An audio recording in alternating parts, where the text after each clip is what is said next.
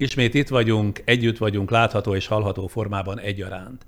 A mai adás két részből áll, szokás szerint előbb lesz egy hosszabb interjú egy ismert pszichiáterrel, majd a műsor második részében ismét jelentkezik a globális felmelegedés ellen hétköznapi módon tenni akarók rovata, a zöld és zöld. És mielőtt rátérnénk a máraszán témánkra, megpróbálom helyre tenni, amit legutóbb talán félreérthető módon fogalmaztam meg. Közel egy hónap múlva, április végén egy éves lesz ez a podcast, és ebből az alkalomból valamennyire rendhagyó műsor tervezünk, amelynek részeként, mivel ezt a kérésüket törzsnézőink és hallgatóink gyakran megfogalmazzák, kérdezni tudnak majd engem is, elsősorban erről a podcastről, téma és vendégválasztásaink szempontjairól, a műsorok szerkezetéről, de bármiről, ami foglalkoztatja önöket, tehát a mindjárt egyéves podcastünkkel kapcsolatban. Várjuk kérdéseiket az alábbi irodai e-mail címünkön, sandorkukac, friderikus.hu, és kérem, hogy a kérdések mellett tüntessék fel saját mobiltelefonszámukat is, hogy gyorsabb és egyszerűbb legyen a kapcsolatfelvétel önökkel. Az e-mailjük tárgyrovatába pedig azt feltétlenül írják be, egyéves a podcast. És akkor jöjjön a mára szánt beszélgetés. Választás előtt állunk, már csak ezért is aktuális, hogy magunkban nézzünk, már akinek van erre igénye, illetve van ehhez elég tudása és persze némi képessége is az önvizsgálathoz.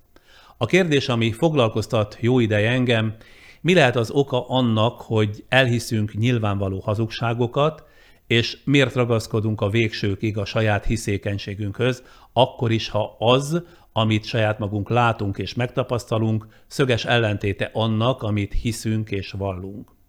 Illetve, és ez a probléma második köre, a hatalmi mámor miért vakít el olyannyira országvezető politikusokat, hogy elszakadva a realitásoktól és az elfogadható általános emberi normáktól nem a közjó, hanem csak is a politikai haszonelvűség határozza meg minden szavukat és cselekedetüket, és ezzel nem ritkán végzetes tragédiába sodorják országukat, esetenként, mint a jelenlegi példa is mutatja, a világot is.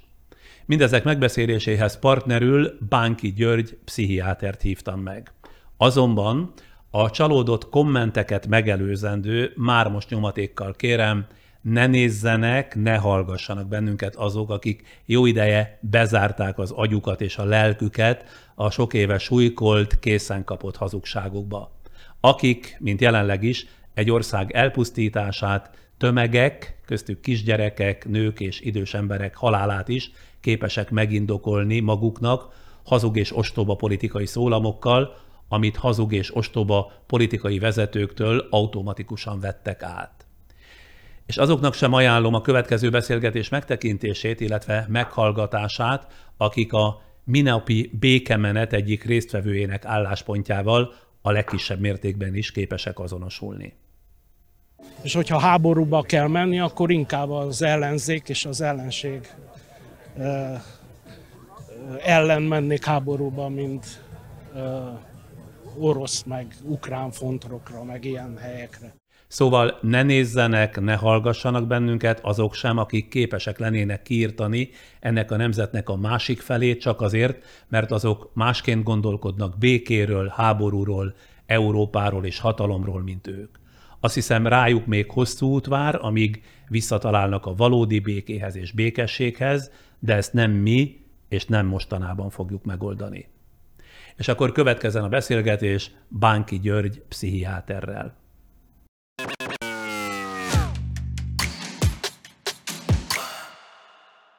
Ön néhány éve megjelentetett egy könyvet, melynek címe a legnagyszerűbb könyv a narcizmusról, és ennek bőven van közéleti politikai vonzata. Bevezető kérdésként azt tisztázzuk, hogy mi vonza önt olyan nagyon a politika csinálás, egyáltalán a politika és a közélet kérdéskörében? Pont ugyanaz történik velem, mint mindenkivel, hogy néz, és azt mondja, hogy vagy szóval körülbelül először mindig ilyen zsigeri dolgok történnek velem is. Tehát, hogy ez, hogy, hogy van, van ez a reflektálatlan üzemmód mindannyiunkban, ami egyszerűen csak az, hogy Úristen, vagy hogy hát ez meg mi, és van az, hogy, hogy, hogy küzdelemmel, erőfeszítéssel ezt át lehet tenni valami reflektáltabb, Ez verső módba, Hát, hogy ne, ne a szenvedélyek, az utálatok, az indulatok domináljanak az életünkben, és ne is az apátia. És ez, nagyon, ez most nagyon nehéz valahogy. Ugye azt látjuk, hogy, hogy, hogy Fukuyamához folyamodjak, hogy úgy nézett ki, hogy a történelem véget ér, vagy ugye mi olyan generációk vagyunk, akik nem voltak háborúnak igazán a közelében, vagy nagy komoly háborúnak a közelében, és úgy nézett ki, hogy a világ egyre demokratikusabb és tisztább lesz, és, és így fejlődünk, és, és egyszer csak ott vagyunk megint valaminek a szélén vagy a közepében. De mielőtt belekezdünk, mint minden vendégnél, az ön esetében is egy rövid életrajzot mondok, jó? Bánki György Budapesten született, 56 éves pszichiáter, édesapja eredetileg kutatóorvos volt, édesanyja műfordító, tolmács, a Semmelweis Egyetem általános orvosi karára járt, majd pszichoterápiával foglalkozó pszichiáterré képezte magát, de lehet vele találkozni publicistaként, íróként, sőt zeneszerzőként is. Részt vett a Török Fürdő című kulturális folyóirat szerkesztésében, eddig egyetlen önálló kötete jelent meg, az említett a legnagyszerűbb könyv a narcizmusról címmel, ami megkapta a Magyar Pszichiátriai Társaságtól az év legjobb monográfiájáért járó Nyírő Gyula díjat. A beszélgetések a Szerelemről és a Szeretetről című kötetben Csányi Vilmos etológussal beszélgetnek vagy fejtik ki véleményüket a címbe foglalt témákról. És egy igazi meglepetés az életrajzában néhány éve epizód szerepet is játszott Sándor Pál Vándor színészek című filmében. Mi volt ön a filmben? Mi volt az epizód szerep? Én egy párbajozó tiszt vagyok, akinek megtetszik a nő, a nő a színpadon, akit a Martinovics Dorina játszik, nagyon megtetszik, és ezért valahogy úgy alakul, hogy bele kötünk egymással a Mohé Tamással egymásba, és akkor én kívom párbajra, és nem akarok spoilerezni, hitem szerint lelövöm. Na de akkor tulajdonképpen ez egy igazi szerep, hát, amit játszott. Epizód szerep, de szerep. Ez a nagyon jó játék volt. Palika leültetett, mondta, hogy pont ilyen őrült fejű ember kell neki ehhez, és akkor... Őrült fejűnek nevezte? Igen, hát Van egy kis elrajzoltság a fejében, de azért nem az őrület jutna róla az eszembe. A másik meg, hogy zenét is szerez. Milyen magas szinten? Nem magas szinten, hanem a saját örömömre, és van egy kis programom, meg pár hangszerem Szokott énekelgetni és saját szerzeményeit, tényleg? Persze, hát ez ilyen... Jó, hogyha kiterjedt egy pszichiáter, szóval hogy mindenbe bele nyúl egy picit, nem? Igen. Akkor beszélgetésünk tárgyára térve kezdjük önmagunkkal, a köznéppel, az állampolgárokkal, a választókkal. Miért, ez a nyitó kérdésem, hogy miért ilyen könnyű megtéveszteni bennünket? Vagy, hogy alternatívát is adjak, nem könnyű, de hosszú évek kitartó súlykolása kell ahhoz, hogy elhiggyük a hatalom, a politikai vezetés nyilvánvaló hazugságait. Bármelyik lehet igaz, tulajdonképpen mindenki nagyjából szerintem próbál normális maradni, és számomra a normális válasz az, hogy nem vagyunk kétfélék. Hát a sok, sokan küzdünk azzal, ugye, hogy a családunkban, a baráti körünkben is ott vannak ezek a hasadások, hogy bizonyos kérdésekről nem tudunk beszélni. Olyan emberek, akik ugyanazokat az értékeket vallják, ugyanonnan jönnek, szeretik egymást, tehát nem vagyunk ilyen módon kétfélék de ha valamit sokat mondanak, sok csatornán mondanak, sok fej mondja, akkor az olyan hihetőnek tűnik. Hát ugyanazt hallom itt is, ott is, amott is. Nyilván itthoni társadalmi folyamatokról próbálunk részben beszélni, alapvetően nagyon jó történeteket lehet felkínálni. Például az összetartozás élményét. Tehát amikor, és ez most akármelyik oldalra igaz, tehát a az ellenzéki nagygyűlésre, vagy a békemenetre, mondjuk vegyük alapul itt a friss dolgokat, ott nem csak arról van szó, hogy valakik ellen vagyunk, hanem éppen az, hogy összetartozhatunk. És az, hogy összetartozunk... Már körön belül. Adott körön belül a békemenetesek a békemenetesekkel, a másik oldal meg az, azzal az oldallal. Ugye ezt érti ezen? Illetve azt, hogy hogy, hogy az, hogy összetartozunk, az egy fontosabb dolog sokszor, mint minden más, ami ezzel jár. Mint akár az az eszme, ami összehozott bennünket? Hiszen az eszmét nem is biztos, hogy magunkévá tettük, de az összetartozás élménye, a közösség élmény az erőteljesebb, mint ami az egészet összekovácsolja. Jól értem? Részben az összetartozás fogja össze a nagyobb csoportokat is, meg a kisebbeket is, részben nagyon pozitív eszmék is. Tehát amikor idegenkedünk attól, hogy hogyan, hogy mit gondol a békemenetnek a szónoka, vagy az XY a békemeneten belül az ország vagy a világ dolgairól, akkor az nekünk lehet rettenetes, vagy nagyon idegen. De ami összetartja a csoportot, az nem, az nem, a, az nem a negatív dolgok halmaza, hanem éppenséggel a nagyon mély pozitív dolgoknak a világa, a családnak, a nemzetnek, a keresztény hagyományoknak, az egymás szeretetének, az összetartozásnak az érzete. Tehát nem hülyeségből vannak együtt, de a másik oldalon is ugyanezt el lehet mondani, csak talán egy picit más szavakkal, vagy más hangsúlyokkal, de ami összefogja ezeket a nagy csoportokat, az mindig valami nagyon fontos és közös dolog.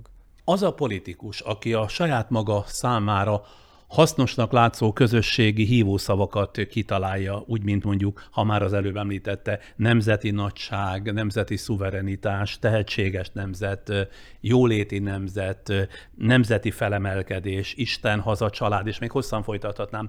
Az emberek lelkének milyen igényére, milyen igényeire appellál, milyen e, igényeket elégít ki?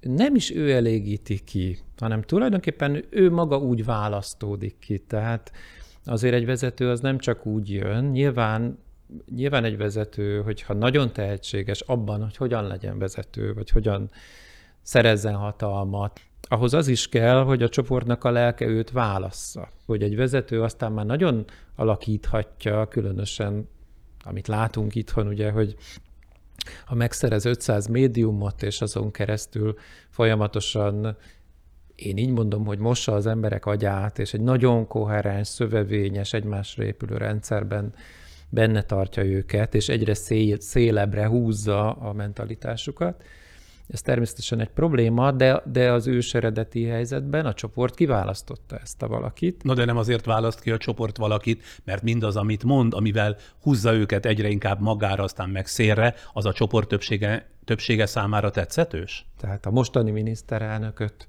veszük alapul, akkor ő egyszerűen megtalálta azt a helyet, amit a csoport, tehát ahova mindenki nézett, végül is ő oda ment.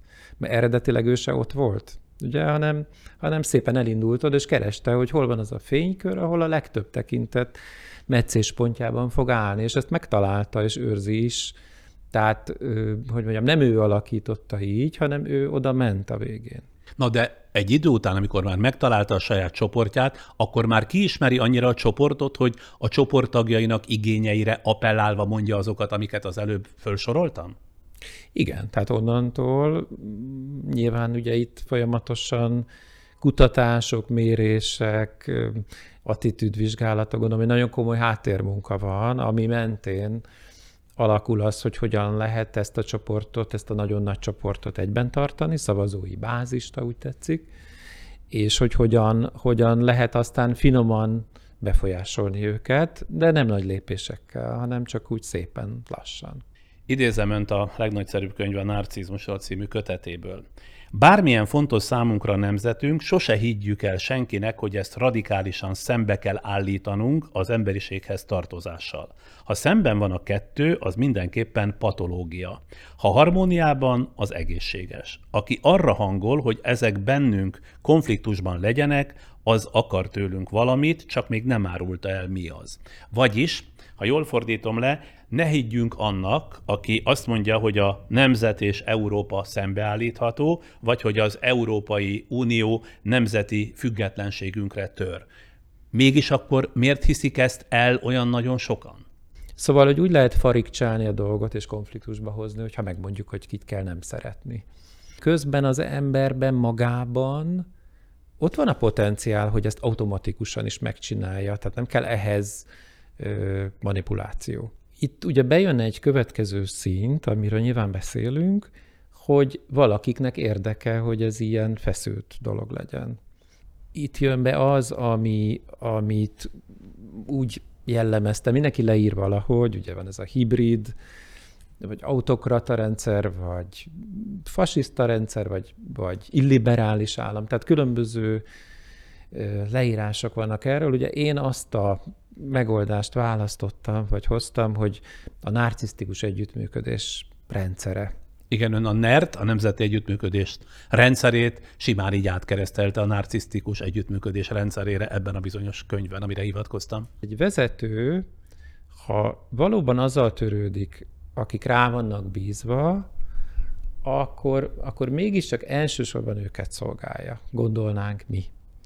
De hát vannak vezetők, akik nem ezt csinálják, hanem ezt elhitetik. Tehát, hogy szép ilyen hologramokat, ilyen szép dolgokat vetítenek elénk, és akkor az emberek egy része ezt elhiszi, a másik része meg feszülten, idegesen nézi, hogy ez hülyeség és hazugság. És hát ebből fakadóan ö, azt lehet, azt érdemes mindig megvizsgálni, hogy egy ilyen vezetőnél például a, a magánérdek és a közjó milyen arányban van.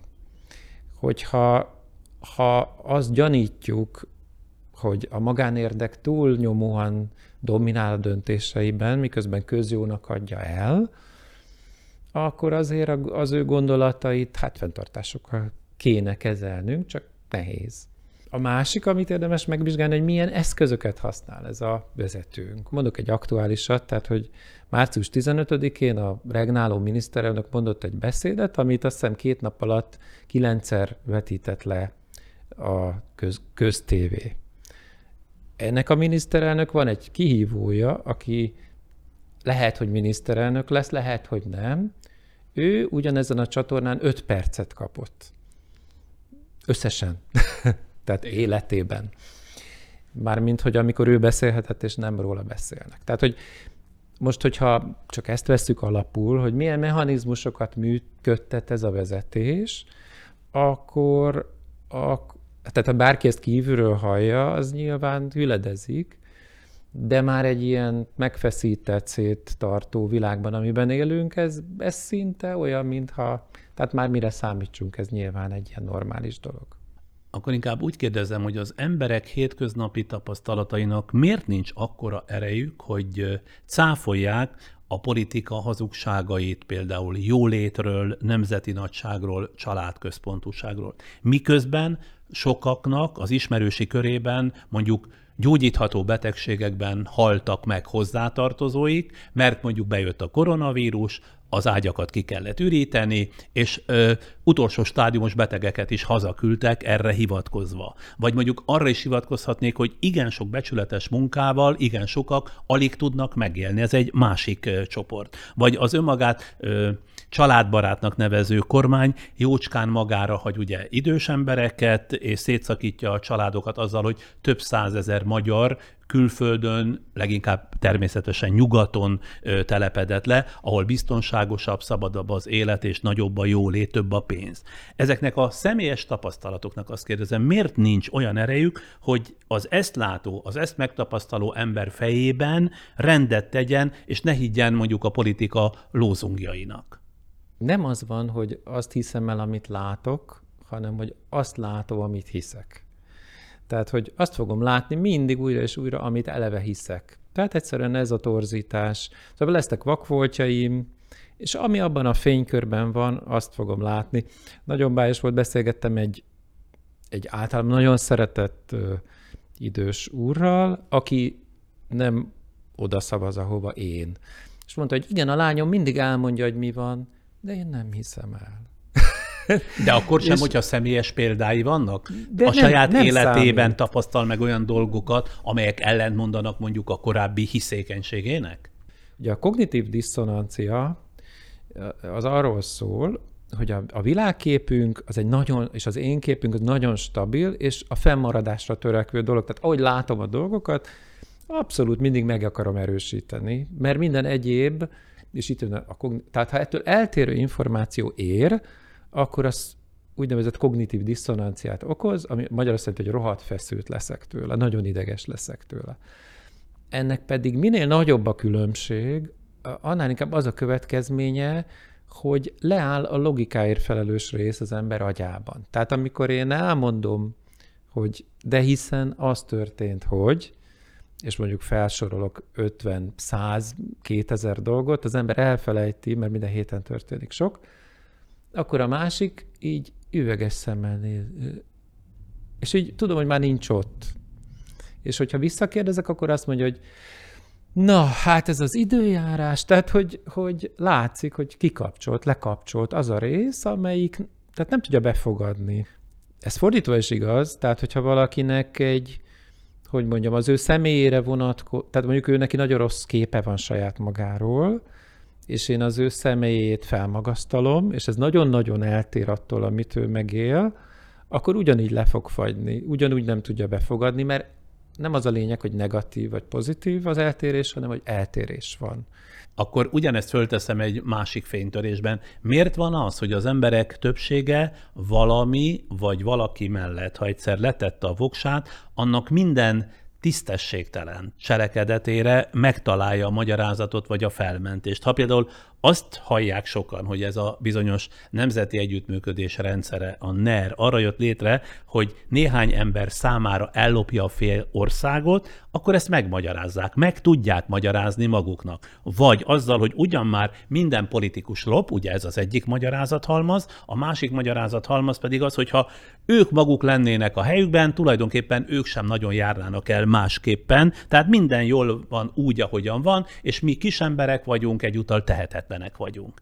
Az van, hogy a kognitív diszonancia az egy kellemetlen dolog. Ha valakiben hiszünk, és azt gondoljuk, hogy megtettük őt, felkentük őt, megtettük őt ilyen fontos szerepbe, és bízunk benne, akkor nagyon sok mindent nagyon sokáig el tudunk nézni neki, és valóban ugye nem az van, hogy az első, a második vagy az ezredik más fajta dolognál megváltoztatjuk a véleményünket. Tehát sokáig tudunk racionalizálni, ami ugye nem a racionalitás, hanem az, hogy megmagyarázzuk, és kidumáljuk, és azt mondjuk, hogy hát az se lenne jobb, meg megkapjuk az ellenségképet, ami arra jó, hogy hát ez szörnyű, de az még szörnyűbb lenne, mert most nagyjából ez van. Tehát, hogy, hogy a szörnyűséget az alkalmatlanság váltaná, például most az aktualitásban, de azért bármeddig bármit azért nem lehet. Tehát... Hát hogy ne lehetne? Itt van az elmúlt 12 év. Nem elég példa rá, hogy bármeddig bármit lehet? A, a, mi, a mi életünk léptékében, Sándor, igen. De a nagyobb, a nagyobb dimenziókban azért bármit bármeddig nem lehet. Tehát, hogy, hogy szoktak lenni ilyen paradigmatikus vagy földcsúszamlásszerű változások, látunk ilyet egy párat. Van, van hogy ez, ez sokára van, és van, hogy valami, ami számítás nem jött be, vagy valami túlcsúszott, vagy valami úgy nincs kiszámolva, és, és, és, és megváltozik a dolog. Arra például van bármiféle válasza, hogy minek a hatására, hogyan tűnik el az emberből az az igény, hogy végig gondolja, amit tapasztal, amit olvas, amit lát, amit hall, hogy akarja mondjuk a fogalmak vagy az állítások mögé is nézni. Ha mondjuk azt hallja az ember, mondok néhány példát, hogy nemzeti szuverenitás, akkor ha sokat hallja, akkor előbb-utóbb föl kell, hogy tegye a maga számára azt a kérdést, hogy neki személy szerint miért jó, és miért fontos a nemzeti szuverenitás. És miért nem kezd el mondjuk, hogyha ezt túl sokszor hallja gyanakodni, hogy hát ha nem is az ő, vagy nem a saját közössége számára fontos a szuverenitás, vagy a nemzeti szuverenitás, hanem csak arról van szó, hogy a politika, amely nemzeti szuverenitásról beszél, a saját hatalmának a korlátait akarja ezzel megszüntetni. Mentális takarékosság, úgy hívhatjuk, ugye? Tehát, Ez hogy, mit jelent? Hát azt jelenti, hogy nem kell gondolkoznom, mert elmondják,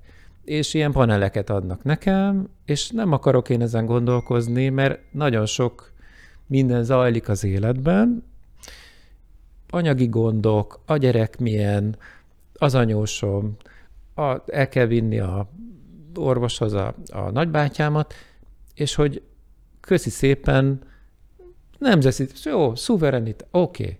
Tehát, hogy kiegyezek vele, mert nem, mert hát ennyi energiája, most tényleg, ha megnézzük ezt a civilizátumot, amiben élünk, hogy mi mindenre kell nekünk energiát szárni, azért én nagyon megértem azt, hogy valaki Szóval, ember, hagyjál már, hogy mögé lássak, hát örülök, hogy eljutok a, a, a patikáig.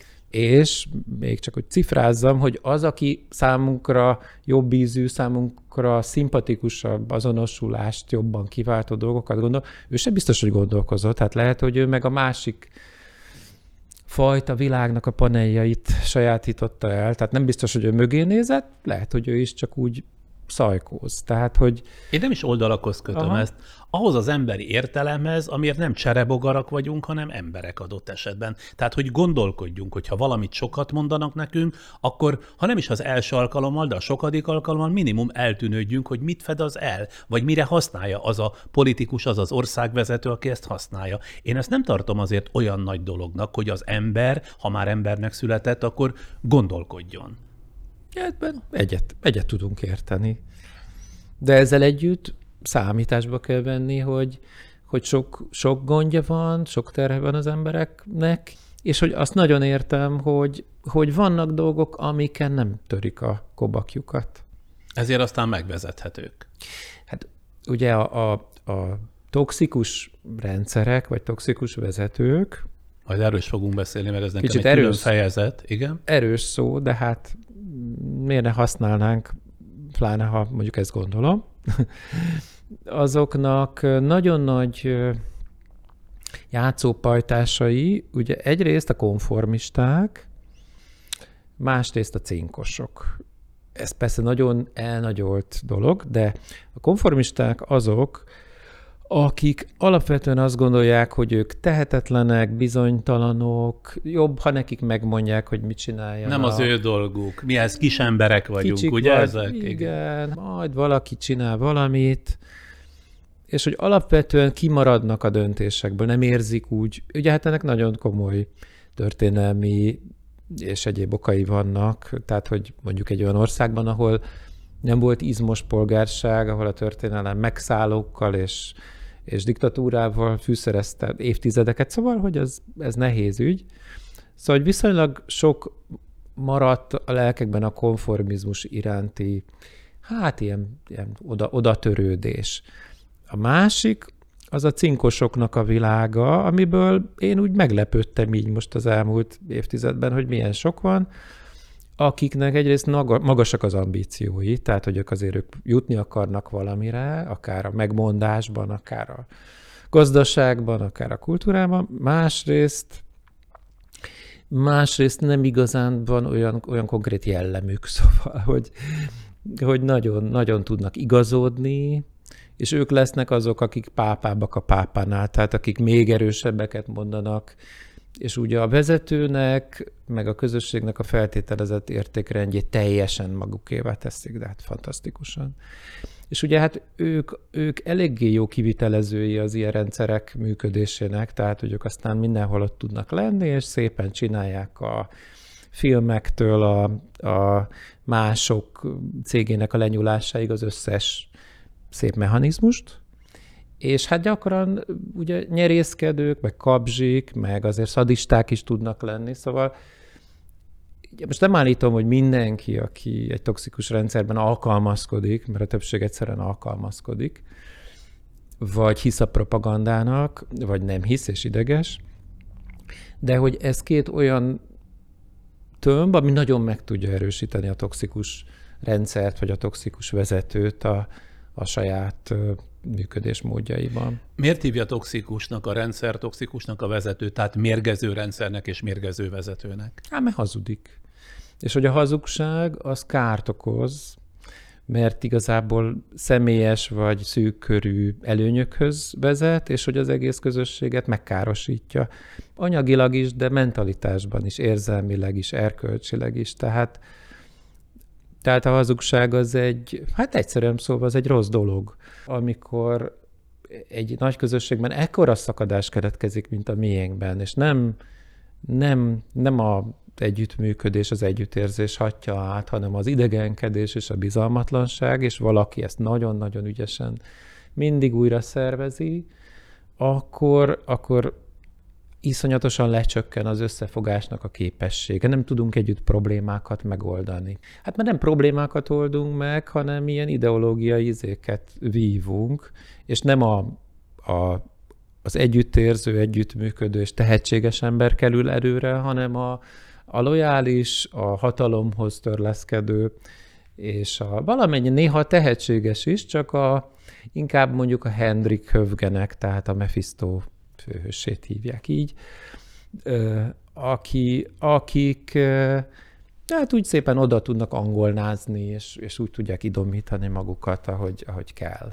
Őszintén szólva, azt se értem, hogy a demokrácia, amely kialakult és hosszú évszázadok alatt alakult olyanná, amilyen a mai állapota, hogy jó vagy rossz, azt most ne vitassuk meg.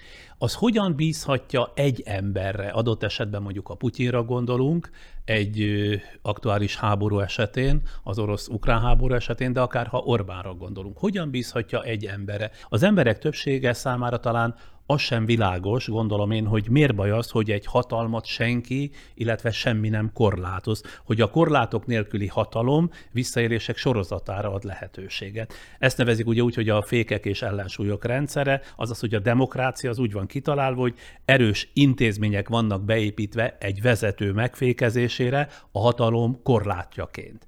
A toxikus vezetésre azok a közegek válnak fogékonyá, ahol nincs nincs meg a demokráciának a, az erős hagyománya, tehát nincsenek nem elég erősek, vagy könnyen leépíthetőek a fékek, ellensúlyok. Ezek ilyen szavaknak tűnnek, de iszonyú fontos dolgok. Nincsenek kontrollmechanizmusok, nagyok a hatalmi különbségek, tehát hogy, hogy túl nagy az olló a, az elit és az alsó rétegek között. Tehát, hogy nagyon sok minden teheti fogékonyá az embereket arra, hogy aztán találjanak egy autoriter vezetőt, és azért nem fog megszűnni soha ez a dolog, hogy autoriter vezető, mert hogy az emberi élet bizonytalan. És hogy, hogy bizonytalan az életünk, és időnként arra vágyunk, hogy legyen egy apánk, aki jó. Hát aztán, ha nem jön be, akkor nem jó. Aztán itt van a probléma egy másik aspektus, amit fölvetnék, hogy mikor és miért nem tanultuk meg mi magyarok, hogy az egymás iránti bizalmatlanság, az együttműködésünk hiánya, polgártársaink mondjuk ellenségnek tekintése rettenetesen nagy pusztító erő egy közösség életében. Pedig azt gondolhatnánk, hogy egy olyan ország, amely a történelemben többször is megpróbálta kiküzdeni például a szabadságát, a zsigereiben kellene, hogy érezze, hogy mit jelent a szolidaritás, mit jelent a közös fellépés, mit jelent az együvétartozás. És ez is roppant mód hiányzik. Ez minek vagy minek a hatására tört ketté, ha egyáltalán volt valaha is ilyenfajta elköteleződés a társadalomban egymás iránt? Én azt hiszem, hogy ez a most regnáló konglomerátum azt hitetti el a, a hozzájuk húzókkal, hogy ez az együvé tartozásról szól. És így létrejön egy nagyon nagy csoport, akik az együvé tartozást élik meg. És ez úgy tűnik, mintha ez lenne a nemzet. Ugye itt mindig ki is mondódik, hogy az nem a nemzet része valahogy. Tehát, hogy ahogy a haza nem lehet ellenzékben, tulajdonképpen az ellenzék nincs a hazában, tehát a, az ellenzék valahogy, mintha hazátlanul lenne, mintha valami fura, ugye itt el is van mondva, tehát, hogy putyini módszerekkel, hogy, hogy idegen akaratokat képvisel. Soros hálózat, meg ez, meg mindig van valami mondás. És akkor így tulajdonképpen az együvé tartozást a bárki, aki mást gondol, az fenyegeti.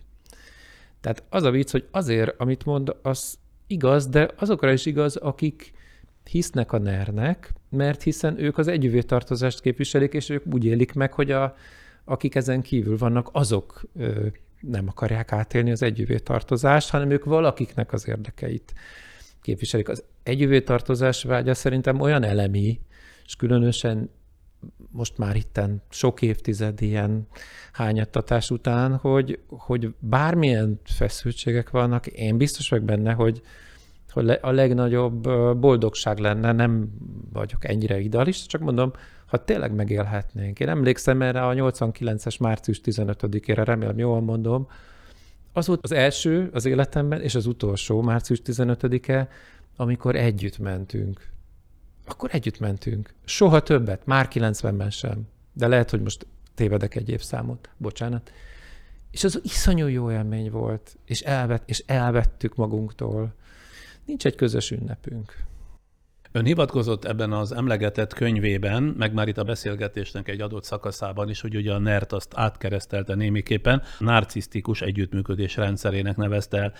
Egy pillanatot álljunk meg és tisztázzuk, hogy mitől narcisztikus ez a rendszer, amely megtévesztő hívószavakkal akar erős közösséget létrehozni. Itt a, a dolognak a, a narcisztikussága az az, hogy valamit kinyerek belőled, vagy belőletek, ami nekem jó igazából az én imidzsemet gazdagítja, az én bankszámláimat, földjeimet hízlalja, és mégis azt kell gondoljad róla, hogy neked jó, tehát ennyi, ennyiben a narcisztikus az, az, aki személyében az, tehát egy egyéni patológiát véve, az nagyon sokszor ügyesen, néha rendkívül bénán zsákmányolja ki az embertársait. Tehát, hogy ügyesen játszik olyan húrokon, amitől ő a lehető legnagyobb emberi haszonra tesz szert. És az ilyen rendszerek, ezek, ezek tulajdonképpen pár ilyen odaszort mondattal, szimbólummal, és persze egy jól felépített rendszerrel abban van izzadság és munka, azt elismerem, nagyon sokat tudnak kinyerni a közösségből a saját jólétük fejlesztésére. Én például nem szívesen lennék diktátor, mert annyira fárasztó, egész, egész életemben azok, tehát lenne marha nagy vagyonom, ilyen bunkereim, és úgy elképzelem, hogy ott egy ilyen bunkerben egy állólámpa fényénél, mint a Dagobert bácsi, számogatnám a vagyonon, engem ez nem izgatna, de biztos hülye vagyok, szóval lehet, hogy ez valakinek izgalmas. Tehát, hogy, hogy egy életen át rettegni, hogy hogy tudom fenntartani a hatalmamat, ehhez valamilyen komoly, hát hogy mondjam, a pszichopátiás vonások között pár olyannak kell magasan lenni, ahol ennek az izgalma az tényleg fűtőanyag. Milyen pszichopátiás vonások? Hát, hogy valamilyen, egyrészt a hatalomnak egy ilyen óriási szeretete kell hozzá, másrészt pedig az a fajta izgalomkeresés, amikor állandóan valahogy az élen, valami borotva élen táncol az ember, és, és ez, ez, ez ettől él, mert egyébként... Ez ugye, tartja életben a libidót, ahogy szokták mondani. Ugye a, a pszichopatábbak, ami alatt most nem konkrétan a, a pszichopátiás személyiségzavart értem, ugye azt írja egy szerző, hogy amikor hát berohan egy terrorista, vagy tűzüt ki valahol, akkor nem a rendes, becsületes neurotikusok fogják megoldani a helyzetet, hanem a pszichopata addig ott unatkozott, azt érezte, hogy vége az életének, végig kell hallgatni ezt az előadást a matekról, mindjárt elpatkol, semmi izgalom, sehol a kokain, sehol a szex, és akkor berohan a terrorista, most tök, tényleg bocsánat, nagyon buta dolgot mondok, és élet azt érzi, hogy most, vagy kiütött, ki, ki, ki, jön a tűz, és akkor ő menti az embereket, és él. Na most ugye ez a harc, ugye tudjuk harc, most harc van, akkor, akkor élek. Hogyha nincs harc, akkor, akkor nem is tudom, hát akkor ilyen szörnyű. Egy újabb kérdés. Mi lehet az ellenszere a folyamatos erőteljes megtévesztésnek? Azaz, hogyan lehetne szabadulni a hosszú évek során súlykolt propaganda és manipuláció fogságából? Mit tud az ember, az ember önnön maga tenni ennek érdekében?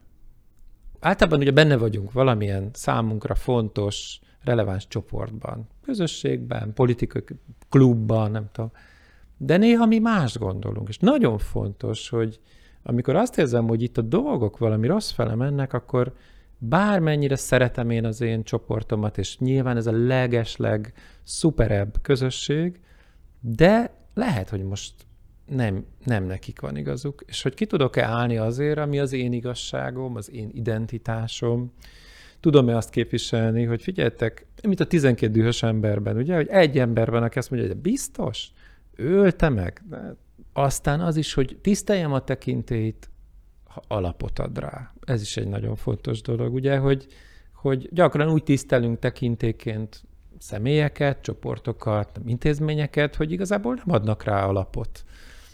De ha jól értem, mindhárom dolog, amit most felsorolt, az önreflexión alapszik.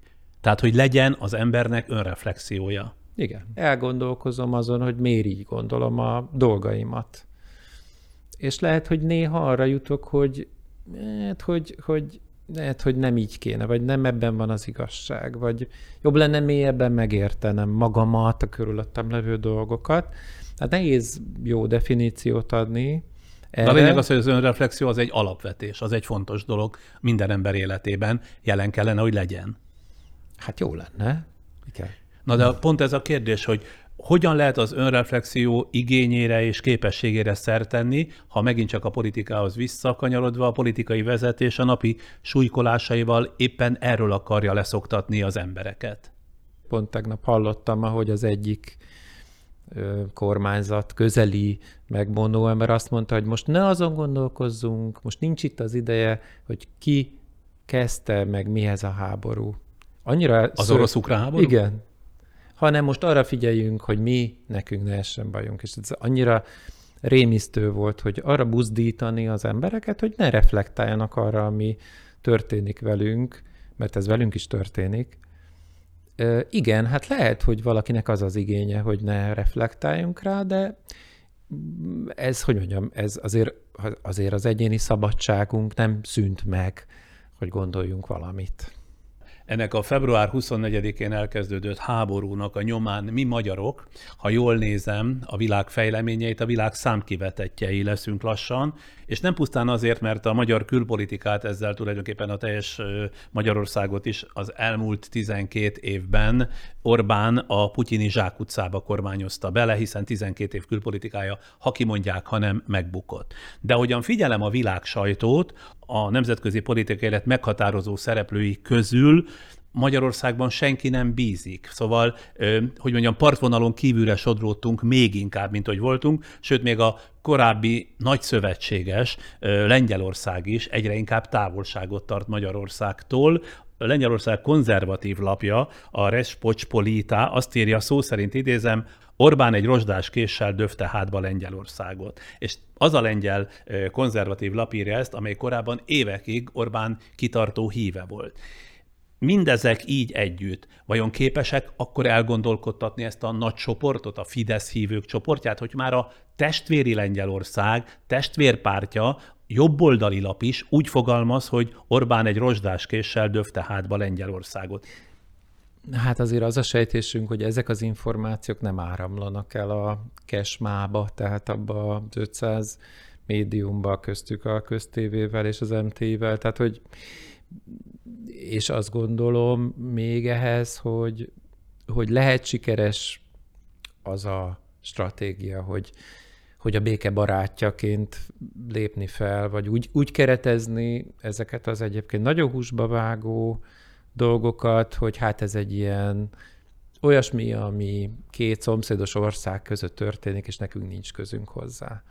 És akkor ugye azok a kérdések, hogy de hiszen ez velünk is megtörtént, vagy megtörténhet, ezeket egyelőre háttérbe lehet szorítani. Azért azt nem tudom, nyilván, hogy hetek vagy hónapok múlva mit fogunk gondolni így együtt, vagy sokan, vagy olyanok is, akik most más gondolnak, vagy mi történik akkor, hogyha ez az orosz külpolitika, ha ezt hívhatjuk így, szemet vet ránk is, hiszen hát valójában erről van szó, tehát nem, de itt nem Ukrajnáról van szó, hanem, hanem fél Európáról.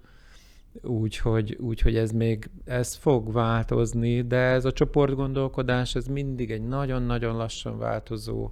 Nem lehet, el, szóval nem lehet elvárni azt, hogy ez most hirtelen valami tantusz leesik, és akkor milliók más gondolnak, ilyen, ilyen nincsen soha. Én attól tartok, hogyha nem egy, hanem ha száz tantusz leesik, akkor sem fognak ráébredni. Nekem ez inkább a félelmem. Az lehet nagyon nehéz és feszítő azoknak, akik benne vannak, és egyáltalán nem irigylésre méltó dolog.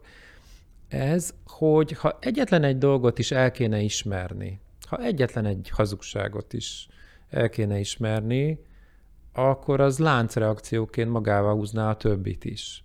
Mondok egy példát, mert ez tényleg nagyon vérlázító volt, de hát mondhatnék nyilván nagyon sok vérlázító példát, amikor az összes magyarnak a miniszterelnöke azt mondja egyébként magyar emberekről, ezt hívhatjuk magyar ellenességnek zárójelben, ezt most dühösen mondom, nem reflektáltan, hogy mondjuk, hogy a homoszexuális és a homoszexualitás és a pedofília között van valami átfedés, hogy van erről egy nagy vita, most vagy nem ért hozzá, és akkor nem mondjon semmit, vagy pontosan tudja, hogy hazudik, és akkor nem mondjon semmit. Tehát amikor egy olyan témában, ahol, és most elmondom azért, hogy a pedofilok 80%-a heteroszexuális, és a családon belül található, és hogy a homoszexualitás és a pedofília között nincsen tudományos kapcsolat, és a magyar miniszterelnök magyar embereknek az 5-6 százalékát inszinuálja,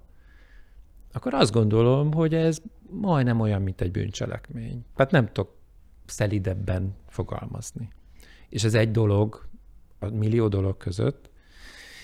Na most, hogyha mondjuk teszem azt, ha szembesítünk egy, egy őrászavazó embert, egy ilyen állításnak a, a valóságosságával, vagy az ártalmasságával, hogy ez egy kérdés, ha el kéne fogadnia, el kéne ismernie, hogy ez egy gonosz hazugság, tehát nem is egy sima hazugság, vagy egy tévedés, vagy, vagy az, hogy utána kapott infót és bocsánatot kér, hanem hogy ez egy igazi, manipulatív, mondjuk azt, hogy rohadék gonoszság, akkor a nagy helyzet az, hogyha egyetlen egy szálat ebből a kötött pulcsiból elkezdünk húzni, akkor a pulcsi szét fog jönni. És azért vannak nagyon nehéz és feszített helyzetben azok, akik, és azért olyan feszültek és dühösek is sokszor, akik ő szavaznak, attól tartok, mert ez a kötött pulcsi, ez, ez szét fog jönni. Lehet, hogy tíz év múlva, én nem tudom, de hát, hogyha egy szál elindul, ugye hazug, az autokráciák hazugságra épülnek. Ha meg borul, akkor meg gyanús, hogy a, a B pont is hazugság, de akkor lehet, hogy a C is. Itt volt például ez a március 15-i békemenetes felvonulás. A Telex riportere elment erre, és ott beszélgetett a felvonulás résztvevőivel. A következő mondatok hangzottak el a békemenetesek részéről. Összefogás, összetartás kell, mert, mert Brüsszel sajnos ki akar csinálni minket. Az Európai Unió, ami ugye évtizedek óta garantálja mindannyiunk békéjét, és hát azért ezt most már láthatjuk itt Európában, az orosz-ukrán lerohanásig békében éltünk az elmúlt több mint 70 évben. A nyugati emberek adójából iszonyatos mennyiségű pénzt kaptunk tényleg felfoghatatlan nagyságrendben, és mégis el tud ez hangzani, hogy összetartás kell, mert Brüsszel sajnos ki akar csinálni minket. Ugye amikor én itt mondjuk firtatom, most nagyon finom szót használtam, hogy becsületesen beszéle a mi minnyájunk miniszterelnöke minnyájunkról, akik rá vagyunk bízva, akkor azért nagyon beszélyes terepen járok, mert ahogy megpiszkálom az ő személyét, sérelmet okozok azoknak, akik kötődnek hozzá, ami normál esetben nem annyira lenne igaz, mert az, hogy van egy miniszterelnök, miért ne lehetne kritizálni? De ugye itt egy ilyen nagy spirituális össze mixelődés van, rázva nem keverve, valami olyan dolog, amiben az a tisztelet, amit mindenki iránt érzek, aki máshova szavaz, mégis úgy tűnik, mintha tiszteletlenségé válna, amikor a főnököt kritizálom. Sajnos így van, tehát, hogy nyilván, amikor én azt mondom, hogy mondjuk ő hazudik, méghozzá rendszeresen, és sokat is egyébként meg el is mondja, tehát nem titok, mert ő maga mondja, hogy nem mond igazat, mert nem azt kell figyelni, hogy mit mond, akkor, akkor én sérelmet, sértést okozok. Amikor Brüsszel azt mondja, hogy srácok, ne lopjatok, akkor a tömeg megtámadva érzi magát, különösen, mert el van magyarázva neki, hogy Brüsszel a tehát, hogy amikor azt mondják, hogy, hogy ez a pár család, meg ez a kis kör ne lopjon, akkor, akkor mintha Brüsszel Magyarország szuverenitását támadná, hát ez, és akkor innentől mindig ebben a mixtúrában vagyunk. Aztán azt is mondta egy békemenetes, megint csak idézem. Én megmondom őszintén, az elnöküknek le kéne mondani az egész elnökségnek ottan, mert ezt ők robbantották ki igazán mert bántották a kárpátaljai magyarokat, maguknak köszönjük. Tehát Ukrajna felelős azért, mert az oroszok halomra ölik őket, menekülésre kényszerítenek, ugye most már két és fél millió embert, vagy már lassan három milliót, és az egész hatalmas országot romba döntötték, ráadásul mindezt a magyar kisebbség miatt. Hát csak azt tudom mondani, amit, amit olvasok és látok, hogy a putyinista propagandát beengedtük. Magunkévá tettük, és, és hogy a, a, a NER használta különböző dolgokra, azonosult vele, használt. Igazából nem azonosul vele lélekben, mert azt nehéz mondani a ner hogy valamilyen, tehát hogy putyinista, vagy atlantista, vagy keresztény, vagy nem keresztény, mert konkrétan semmilyen. mindig olyan, ami hasznos neki.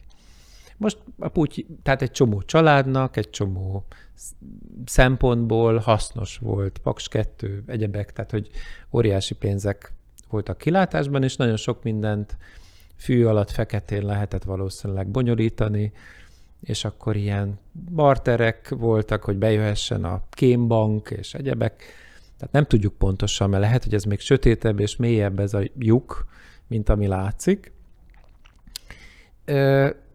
Tehát, hogyha egy propagandát, ami egy eléggé nyilvánvalóan gonosz propaganda, ennyire ráeresztünk a saját népünkre, és nem számolunk vele, hogy az tényleg létrehoz dolgokat, Hát a teljes annak... katyvaszt azért maradhatunk ennyiben, tehát a, hát a teljes racionális katyvaszt, vagy nem is tudom, minek nevezzem ezt már. Sokszor van az, hogyha idegesek, dühösek vagyunk, ha befolyásolnak minket, stb., hogy leállítjuk az érzései, nem csak a logikai részt, ahogy azt mondtam a kognitív diszonanciánál, hanem az érzéseinket is le tudjuk állítani, tehát átmegyünk egy ilyen érzés nélküli üzemmódba, ilyen elidegenedett, vagy önmegnyugtató, vagy kifejezetten ilyen bulli, ilyen bántalmazó üzemmódba, mint ahogy a kommentelők szoktak, ahol, ahol le lehet kapcsolni az emberi érzéseket. Ha valaki tényleg belegondol, hogy, hogy tényleg gyerekeket iskolát, gyerekkorházat, szülészetet lebombáznak, hogy lakóházakba rakétát röpítenek,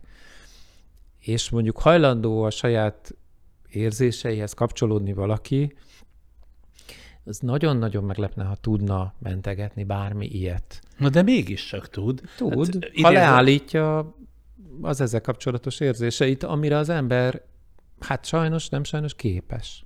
De hogyan van az, hogy nem képes behelyettesíteni az önmaga, amikor szétrobbantanak egy paneltömböt, a saját panellakását, amikor megölnek egy gyereket, a saját gyerekét, amikor öreg embereket talicskáznak ki félholtan, a saját apját vagy nagyapját. Szóval ezt én képtelen vagyok fölfogni, ezt hogy nem tudja behelyettesíteni az emberi elme.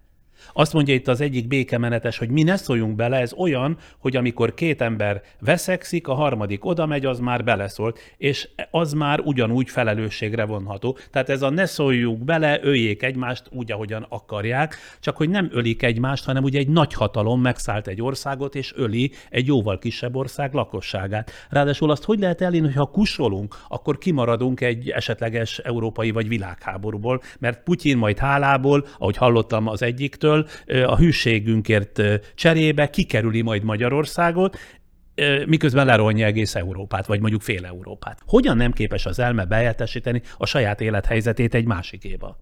Hát mondok erre valamit, ami eszembe jut erről. Például lehet nagyon félni most. Tehát azért Putyin az elég ijesztő. Ijesztő, amiket gondol, ijesztő, amikre feljogosítva érzi magát, és én azt hiszem, hogy putyinista propaganda ide, ner oda, tulajdonképpen minnyáján félhetünk. És hogy a félelem az hozhat olyat, tehát ha ott vagyunk a kocsmában, és az a nagyon erős, nagyon agresszív valaki, tehát éppen késeli sorra azokat, akikhez nincs közünk, ilyen belharc, vagy lövöldöznek, akkor lehet, hogy azt is érezhetjük, hogyha békésen megülünk, és nagyon aranyosan cukin nézünk, és azt mondjuk, hogy semmi baj, akkor nem esik bántódásunk akkor előállok a farbával. Nem lehet, hogy ennek az egész borzalomnak, amiket itt soroltam, az van a legmélyén, hogy honfitársaink, azt nem tudom, hogy többsége vagy kisebbsége, de mindesetre meghatározó nagyságrendben nem hajlandó olvasni, nem hajlandó tájékozódni, nem hajlandó tovább megyek gondolkodni, tehát megdolgozni azt akarom mondani a tudás megszerzéséért, hanem csak hallomásokra, érzésekre, a Facebook táplálta plegyka hullámokra támaszkodik, és nem hajlandó, vagy értelmi szintje miatt nem is képes becsületesen és alaposan tájékozódni, és annak nyomán levonni az egyébként racionális következtetéseket. Nem lehet, hogy az egésznek a mélyén valami ilyesmi van?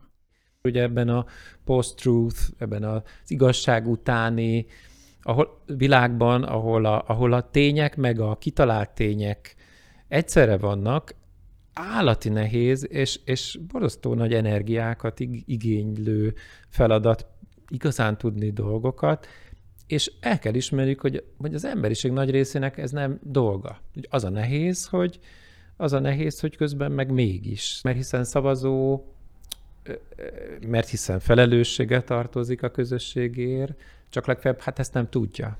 Ez nem egyszerűen csak egy ilyen, lehet, hogy leegyszerűsítem, szellemi resség, meg igénytelenség, és nem jött rá az emberek egy bizonyos része, azt ismerem mondani, hogy jó nagy arányban, hogy a dolgok állásáról tudni, az egy, a függetlenségnek is egy meghatározó része. Engem azt foglalkoztat, hogy hogyan lehet oda eljuttatni akár sok-sok embert, hogy így, így legyen ezzel, tehát hogy felelősen tudjon ránézni mondjuk hírekre, hogy ezt fogyasztom, de kezd gyanússá válni.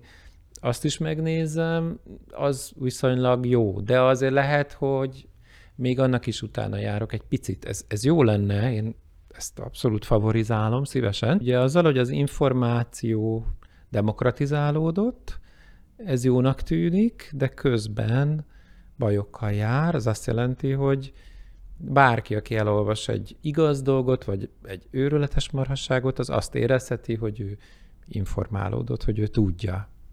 Abban az esetben is, hogyha csak az őrületes marhaságot teszi magáévá, Igen. mert úgy hiszi, hogy az az ő igazság. Ráadásul az egy régi tapasztalat, hogy az ember mindig a saját véleményéhez keres igazságot, mindig azt próbálja megerősíteni, ami egyébként is az ő törzs véleménye, ugye? Igen. Aztán a másik, hogy miért hiszi mindenki magát a világ eszének. Ugyanis amíg tartott, és még tart mindig a koronavírus, akkor az ország, legalábbis ezt a kommentekből, a mi kommentjeinkből látom, a mi nézőinknek hát igen jelentős százaléka hirtelen virológus kutató szakemberré vált, és úgy magyarázta meg az egyébként itt ülő tényleges szakemberek véleményét, mintha bármiféle tudományos köze lenne hozzá. Aztán most, hogy ez kicsit lecsengett, és a háború jött előtérbe, két-három hét alatt kivirágoztat megint csak a kommentjeink között az orosz és ukrán szakértők, illetve ezen szakértők siserehada. Szóval, hogy az a fajta tudástisztelet miért nincs meg egy civilben, egy laikusban, hogyha valamit egy tudományosan hosszú évek munkájával kiképzett szakembertől kap, azt ha kritikával kezel is, ne higgye a saját véleményét, ne emelje a saját véleményét a szakember véleménye fölé, hanem minimum mellérendeltségből kétkedjen.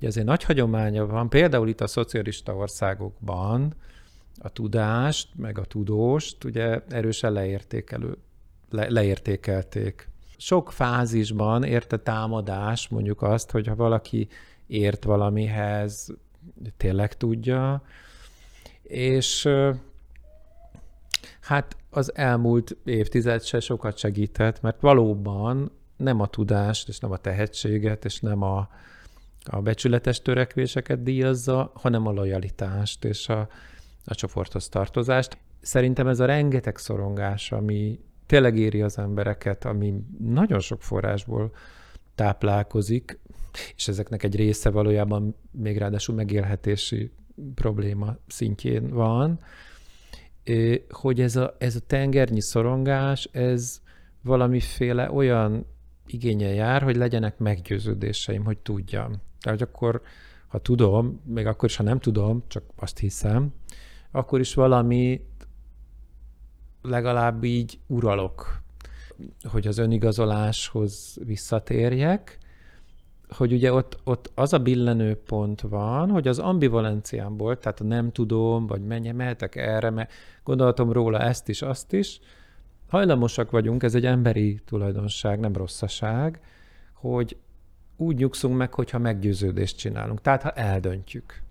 Tehát elindulok az egyik irányba, és a, az ambivalenciából csinálok egy meggyőződést. De azért ez egy kicsit más, mint amit én mondok. Tehát, hogy az alázat, a másik iránti tisztelet, egy szakember, a szakemberség iránti tisztelet, az végképp kiveszőben van. Nem lehet hogy az, aki igényt, akinek igénye van arra, hogy kommenteljen, és jobban tudja, az egy az jobban kidomborodik, mint az, aki végighallgatta, örült neki, hogy hallotta, és elgondolkodott rajta, de nem kommentál. Tehát, hogy egy kicsit az is torzíthatja, hogy a kommentelők, azok kommentelnek.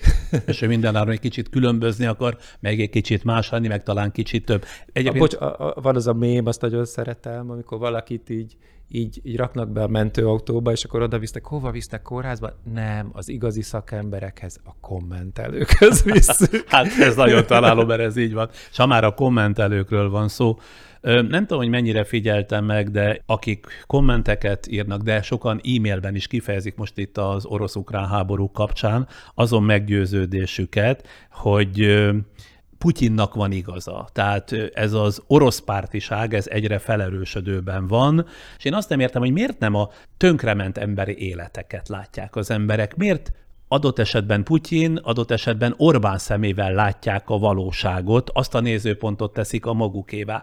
Hová lett az empátiának a készsége és képessége, hová lett mondjuk a humánum, egyáltalán hogyan tudja felülírni a politikai rajongás és az adott táborhoz való hűség a józanságot. Nem tudom én ezekre a választ, tehát ezeket nagyon fájdalmas és rossz olvasni. Nagyon nyomasztó ilyen tömegében olvasni ezeket a elképesztően fura nézőpontokat, vagy ezt az okkeresést, de ugye a más fájdalma az, az nagyon másképp észlelődik, mint az én saját fájdalmam. Tehát ha itt történne, akkor nagyon világos lenne a helyzet, és nagyon reméljük, hogy ilyen nem lesz. És nagyon nehéz elképzelni, pedig ez a szomszédország, és mégis megvannak a hárításnak és a tagadásnak ezek a módszerei, hogy hát ezek ilyen egymás közeli szláv népek, majdnem ugyanaz a nyelvük, aztán az, e- azok is csúnyán viselkedtek. Na, ezek most tényleg csúnyán viselkednek, de hát a Biden, de hát a... Nem kellett volna a NATO tagságot fel. Amerikának nem kellett volna az egészet, Amerika provokálja, ide is eljutnak. Igen, meg hát nem kéne, nekik, nem kéne nekik szuverénnek lenni, érdekes, mert mondjuk meg, mi meg folyton azok vagyunk, nehéz, szóval ezek hárítások és tagadások és, és mindenféle módszerek arra, hogy, hogy ezt a tragikumot ne éljék meg az emberek, ez a megértő részem, egyébként meg hát szörnyű. Hát különösképpen hogyan gondolkodhat így egy olyan ország, amelynek az egyik legmeghatározóbb közös története az 56-os, az 1956-os forradalom, ugye, amely azok ellen a szovjet elnyomók ellen robbant ki, akiknek a birodalmát most Putyin tűzzel vassal vissza akarja állítani, vagy legalábbis részben vissza akarja állítani. Hogy lehet ennyire átgyúrni az emberek történelmi emlékezetét, illetve a történelmi emlékezetből hogy nem tudnak sokan máig ható következtetéseket levonni. Az Orwellnek az 1984-ben van egy jó szó erre, a dupla gondol. Tehát, hogy lehet gondolni valamit, meg az ellenkezőjét egyszerre ezekben a, ezekben a ilyen autokratikus rendszerekben, ahol nem a nyílt gondolkodás, nem a reflektivitás, a domináns, és ha a rezsim vagy a bárki mondja ezt is, és aztán egy hét múlva azt is, az nem zavar meg, mert mindig is gondoltam mind a kettőt, amik egymással ellentétesek. Itt azért inkább arról van szó, hogy a rendszer brutálisan átgyúrta a magyarok jelentős részének történelmi emlékezetét. A kérdés csak az, hogy milyen célból. Mert azért itt, hogy nem tud rokonítani 56-tal és a pillanatnyi ukrán helyzettel, az nekem az annál több, mint hogy az ember kétfelé gondol. Ezt is gondolja meg az ellenkezőjét is igaznak az elmúlt napokban az egyik platformon lefordították Younes Bőnek, aki gyerekirodalmat és krimit is kiválóan ír, valaha focista volt, csak megsérült, és akkor így lett egy írónk. Egy cikkét, írt egy sorozatot, hogy, hogy, hogy Oroszország megszállja Norvégiát, és óriási felháborodást váltott ki. Véletlenül a krím elfoglalásával egybeesett, de szem előbb kezdte el megírni, és most írt egy cikket erről az orosz helyzetről, és arról beszél, hogy ugye az, az győzedelmeskedik, aki jobb történetet tud elmesélni. És hogy a frankóék, ugye hozza ezt a példát, hogy a frankóék, amikor Gernikát lebombázták, de porig, és megölték a lakosság nagy részét, akkor azt állították, hogy ezt maguk a köztársaságiak csinálták, csak úgy, hogy mint ahogy az ukránok most megtámadták saját magukat, ugye, de hogy jött Picasso, és festett egy képet, és az lett a sztori. És nem a frankói lett a sztori. És akkor így lett a Gernika utaztatásából és súlyából jött az, hogy rengeteg ember elkezdett elutazni Spanyolországba, hogy a köztársaságiak oldalán harcoljon. Hozzátesszük, hogy utána Franco még vidáman uralkodott évtizedekig, tehát hogy mondjuk így nem minden nem minden történetmesélés rögtön érik be, de azért a, a világ nagy része mégiscsak megtudhatta, hogy, hogy mi történt igazából. És hát ez, ez van, hogy történeteket mesélünk, vannak uh, ilyen rossz csontok, akik olyan történeteket mesélnek, amik elég önkényesek, meg átírják, meg minden. Nézzük meg hosszú távon. Szóval az, az szokott lenni, hogy az igazabb történetek győzedelmeskednek. Nem mindig, tehát nem ilyen hófehér a dolog, de megtörténik. Ha már a történetmesélést említette meg a történeteket, Yuval Harari, a híres izraeli történész írta pár hete az orosz-ukrán háború kitörését követően, hogy Putyin már most elvesztette ezt a háborút, mert a közös történetek erősebbek a tankoknál, és a mostani háborús történeteket generációk múlva is mesélik majd az ukránok. Ukrajna elnökének történetét, aki ugye fegyvereket kért a nyugattól, nem fuvart a saját megmentése érdekében, vagy a Kígyó-sziget, ha jól emlékszem, védőinek történetét, akik elzavarták csúnya szavakkal a támadó orosz hadihajót, vagy az ukrán civilek történetét, akik puszta kézzel meg fizikai valóságukkal, fizikai testükkel szálltak szembe az orosz tankokkal. Mindez arról jutott eszembe, ha már említette a történeteket, hogy tőlünk a közös történeteinket is elveszik azok, akik az 1956-ot most a saját biztonságunkra hivatkozva ölik ki az emberek lelkéből. Ön is azt mondta ugye, hogy a közös történeteink nélkül a tapasztalataink is eltűnnek a sülyeztőben, és újra meg újra elkövetjük az egymás elleni bűnöket. Írtam egy posztot is erről, hogy a bátorságról, tehát hogy az egyik nagyon bátor ember az ugye oda küld 200 ezer katonát, vagy nem tudom, egy 120 ezeret egy, el, elsőre, aztán meg még, és egyébként meg mindenkivel úgy beszélget, hogy egy végtelen hosszú ilyen a műbútor asztalosok álma, ilyen, ilyen kilométer hosszú asztal egyik végén ülne, hogy egy, egy cseppfertőzés úgy, úgy ellengjen a, az ő kis légutaig. Szóval ilyen bátor ember, aki, ilyen, ilyen éppen nagykorú fiúkat beültett tankokba, és oda zavarja őket, rettenetesen bátor. Tehát. És ott van egy másik államférfi, így mondom, akire valószínűleg vadásznak, akit valószínűleg konkrétan meg akarnak ölni a családjával együtt, és nem megy el, és ott marad, és kézbe veszi a dolgokat úgy, hogy színész végzettség. Szóval én nem tudom, hogy ki mit gondol a bátorságról, vagy ki hogy tisztel más embereket, de nekem lenyűgöző ez a fickó. Tehát, hogy, hogy lenyűgözően komoly, amit csinál. Tehát, hogy, hogy sokkal igazibb, hihetőbb, sztorisabb, igazi legenda lesz. Tehát, hogy ez most születik, lehet, hogy elbukik, lehet, csak minden lehet, ugye nem? Ennek a konkrét háborúnak a végét nem látjuk, de az, hogy kiből lesz, kiből lesz a történelemkönyvben valami elmesélhető ember, emberszerű ember, az elég világos. És akkor még egy kérdést ennél a pontnál felvetnék, mégpedig az, hogy a gyűlöletbe hogy nem lehet belefáradni. Abba, hogy az embert mozgató energiák jó része arra megy el, hogy kellő intenzitással megvesse és gyűlölje a saját nemzetének azokat a tagjait, akik másként gondolkodnak, más tartanak szabadságnak, más tartanak biztonságnak, mint amit ő, akik mondjuk más minőségű magyarok szeretnének lenni.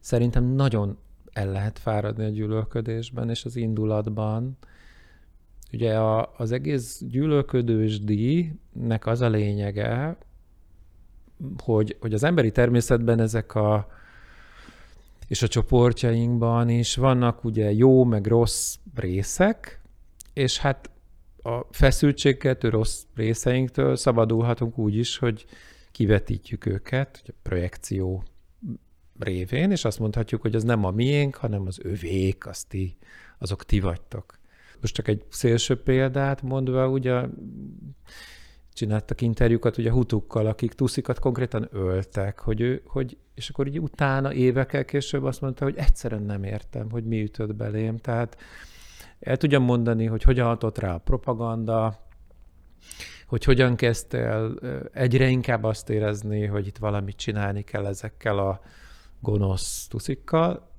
és hogy aztán hogyan rontott rá a szomszédjára, és hogyan ölte meg, és hogy nem érti saját magát. Iszonyú fájdalmas dolog. Nyilván ez szélsőbbnek tűnik, csak ugye most a szomszédban háború van, tehát ott ez történik, tehát hogy, hogy a, a saját kis testvéreiknek tekintett ukránokat ölik, és azt várták, hogy ettől tudom, szerethetőbbek legyenek, de nem lesznek.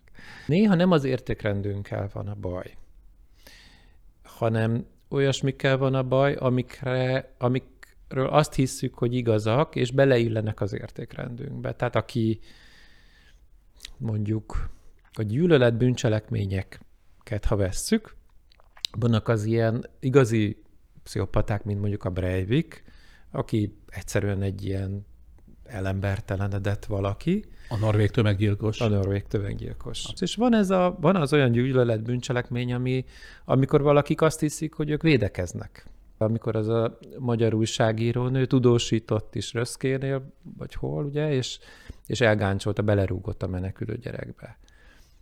Akkor ő nem, nem azt gondolta, hogy ő gonosz, vagy hogy valami borzasztót csinál, hanem azt gondolta, hogy védekezik a nagyon helytelen, nagyon kontrollálatlan dolgokkal szemben. Tehát az értékrend szempontjából ő, ő úgy érezte, hogy a helyeset cselekszi, amikor megakadályoz valami törvénytelen, valami hazájára ártalmas dolgot. Az egyik önnel készült interjúban azt mondta, idézem, nem tehetünk úgy, mintha a politikusi réteg izolált csoport volna, akikhez semmi közünk. Ők is mi vagyunk, olyanokat választunk, akik a legjobban kifejezik azt, amilyenek vagyunk. Ezért fogalmaztam úgy talán néhány kérdés előbb, hogy a világ számkivetetjei lehetünk, és mennyire azok leszünk, és ez már akkor kérdés, ha mondjuk a magyar választók többsége most, április harmadikán megint a Fidesz és Orbán mellett teszi le a voksát, mert annak nyomán azt gondolja majd, hogy Orbán Viktor mégiscsak a megfelelő vezetője, illetve nemzetközi szintéren a megfelelő képviselője az országnak.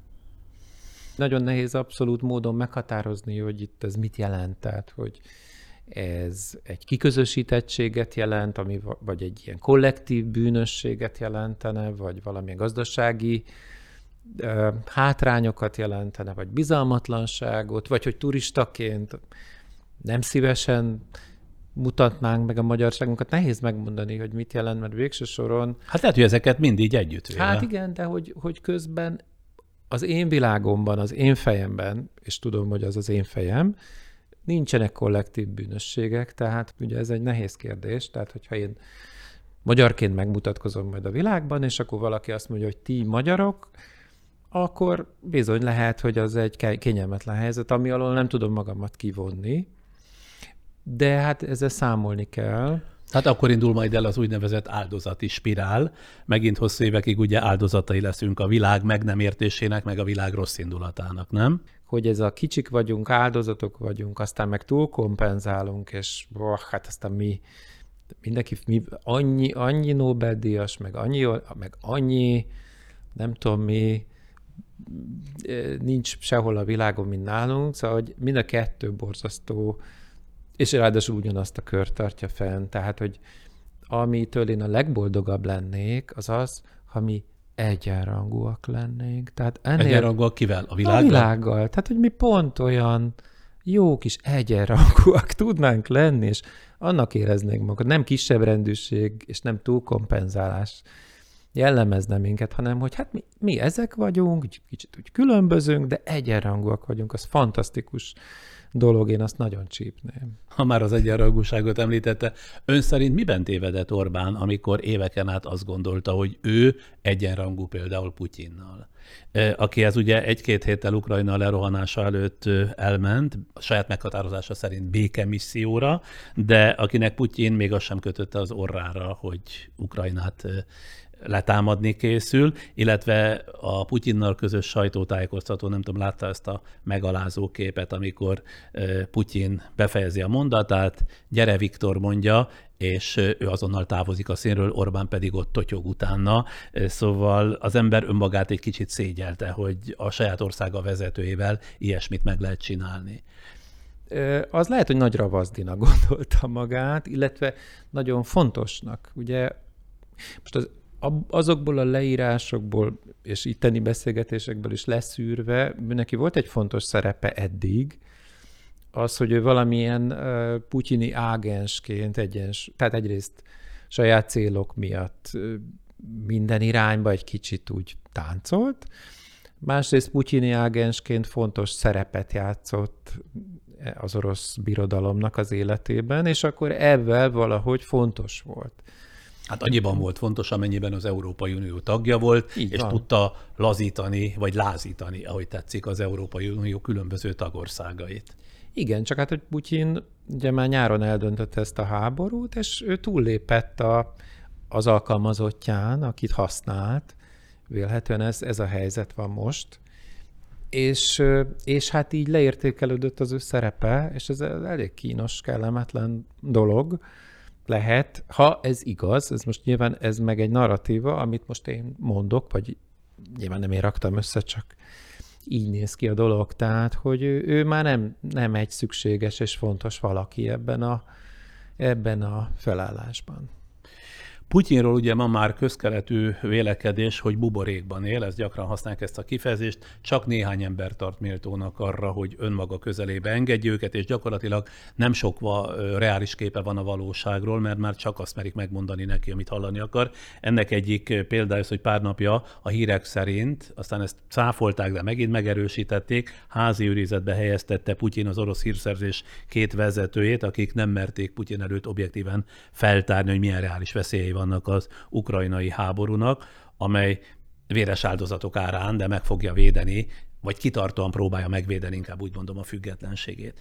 Hogy juthat el ez a kérdés egy ország vezetője addig, akit egyébként valaha éppen úgy anya szült, mint mindannyiunkat, hogy hogy nem érzékeli az akarnokságának, a túlterjeszkedésének a veszélyeit. Szóval azért ő régóta gyilkos, tehát nem ma kezdte, csak ez most ugye egy kicsit közelebbről érint minket. Ez a kazettás bombák, meg, meg föld alatti kórházakban, már Szíriában is besomott pár ilyen aknát. Szóval azért ő egy... Ő egy hát ilyen... újságírókat végeztetett ki, meg hát ellenzékeket börtönöztetett be, sőt, igen. öletett meg. Tehát ő egy rendes becsületes gyilkos tulajdonképpen, tehát nem, nem ma kezdte a pályafutását, amúgy kgb és tehát nehéz ügy, mert azt nem tudjuk, hogy mire vetemedik még, ha még jobban fél. Szóval itt van egy, van egy probléma, miközben az ilyen személyiségű embereket csak erővel lehet megállítani. Tehát vele tárgyalni, meg megállapodásokat kötni lehet nyilván, időlegesen ezek valamit számítanak, de, de hát szemlátomást ő nem, nem úgy gondolkozik, ahogyan mondjuk így szoktak gondolkozni az emberek. De akkor itt fölvetődik az önreflexió hiánya, nem? Tehát a hatalom hogyan veszíti el az ember önreflexiós képességét? Én ezeket mindig így, így szeretettem meghallgatom, hogy az utóbbi pár évben úgy megváltozott. Tehát nem változott meg, hanem több lehetősége van. Tehát aki, aki mondjuk, akkor bocsánat, és nem diagnosztikusan, nem szakemberként mondom, de mondjuk ilyen pszichopata-szerű valaki, az azért az ilyen, csak hát egyszerűen nem adta ki neki az élet, hogy megcsinálja mindazokat, amiket mindig is akart. Nyilván, ahogy megy az idő előre, több hatalma van, le tudja nyomni a néptorkán azt a sok mindent, amit el is hisznek neki, és nyilván egyre több felhatalmazást kap, hiszen ha szabadon megtehette ezt is, azt is, akkor még amasz miért ne tehetné meg? Tehát de nem arról van szó, azt gondolom, hogy ő megváltozott, hanem hogy egyre nagyobb, tehát, hogy ő készült erre, tehát, hogy úgy tűnik, hogy ő egész életében készült valamire. Lehet, hogy a Covid, lehet, hogy a bezártság, a buborék, az továbbítta a fantáziáját valahova, és hogy régenben szívesebben zenélgetett, meg bájoskodott, és fotózkodott, és, és ennek van vége, de, de szerintem alapvetően ez, ez az ember ilyen. Nem állítom, hogy Orbán ilyen, de sok-sok éve ismerjük ugye az ő pártját, államigazgatását, az emberét, és tudjuk, hogy azért ott sincs sok ellenmondás, tehát egy személyi a vezetés.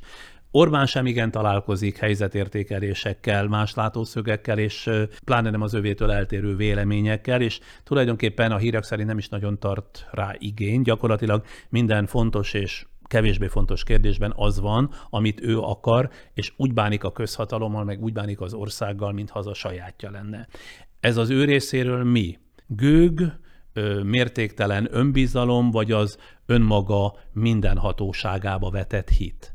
Inkább olyan általánban mondom, jó, hogy vannak olyan fejlődés történetek, amikor valaki valamilyen módon ilyen nagyon hatalom nélküli gyerekként, tehát hogy valahogy, valahogy az ő szükségletei nem fontosak a családban, vagy bántják, tehát hogy valami elnyomás, bántás egyéb éri, minden gyerek valamit leszűr, van, aki azt szűri le, hogy hát ez a hatalomfosztás, és ez a, az, hogy állandóan a szárnyaimat letörik, és, és semmibe vesznek, vagy nem tudom, gorombák velem, hogy ez, ez alapvetően rossz, és én ezt meghaladom, és van, aki azt szűri le, hogy, hogy nem, nem azt kell csinálni, hanem meg kell fordítani a helyzetet, tehát, hogy én fogom megkaparintani a hatalmat, és, és megfordítom a helyzeteket, és én fogom megmondani a tudósoknak, a tanároknak,